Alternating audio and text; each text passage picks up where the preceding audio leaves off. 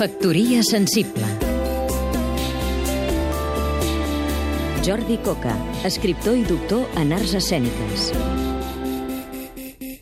Si no ens hagués deixat fa 5 anys, el 2014 Ricard Salvat n'hauria fet 80.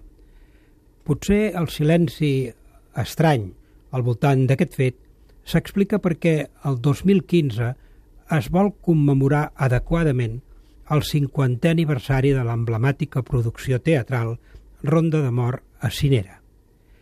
Aquest muntatge, basat en textos de Salvador Espriu i dirigit per Ricard Salvat, amb la companyia Adrià Gual, es va estrenar al Teatre Romea el dia 1 d'octubre de 1965 en el vuitè cicle de teatre llatí.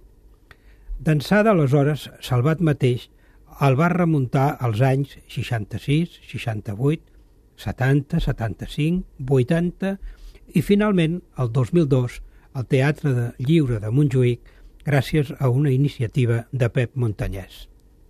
Salvat, que a més de director d'escena i fundador de l'escola Adrià Gual, era catedràtic de teatre a la Universitat de Barcelona, estudiós de les arts escèniques, novel·lista, dramaturg, director durant molts anys del Festival de Sitges i també del Festival Entre Cultures de Tortosa i un dels creadors catalans amb més projecció internacional, Salvat va saber construir amb Ronda de Mora Cinera un gran espectacle èpic partint de diferents motius de l'obra, els mites i l'imaginari de Salvador Espriu.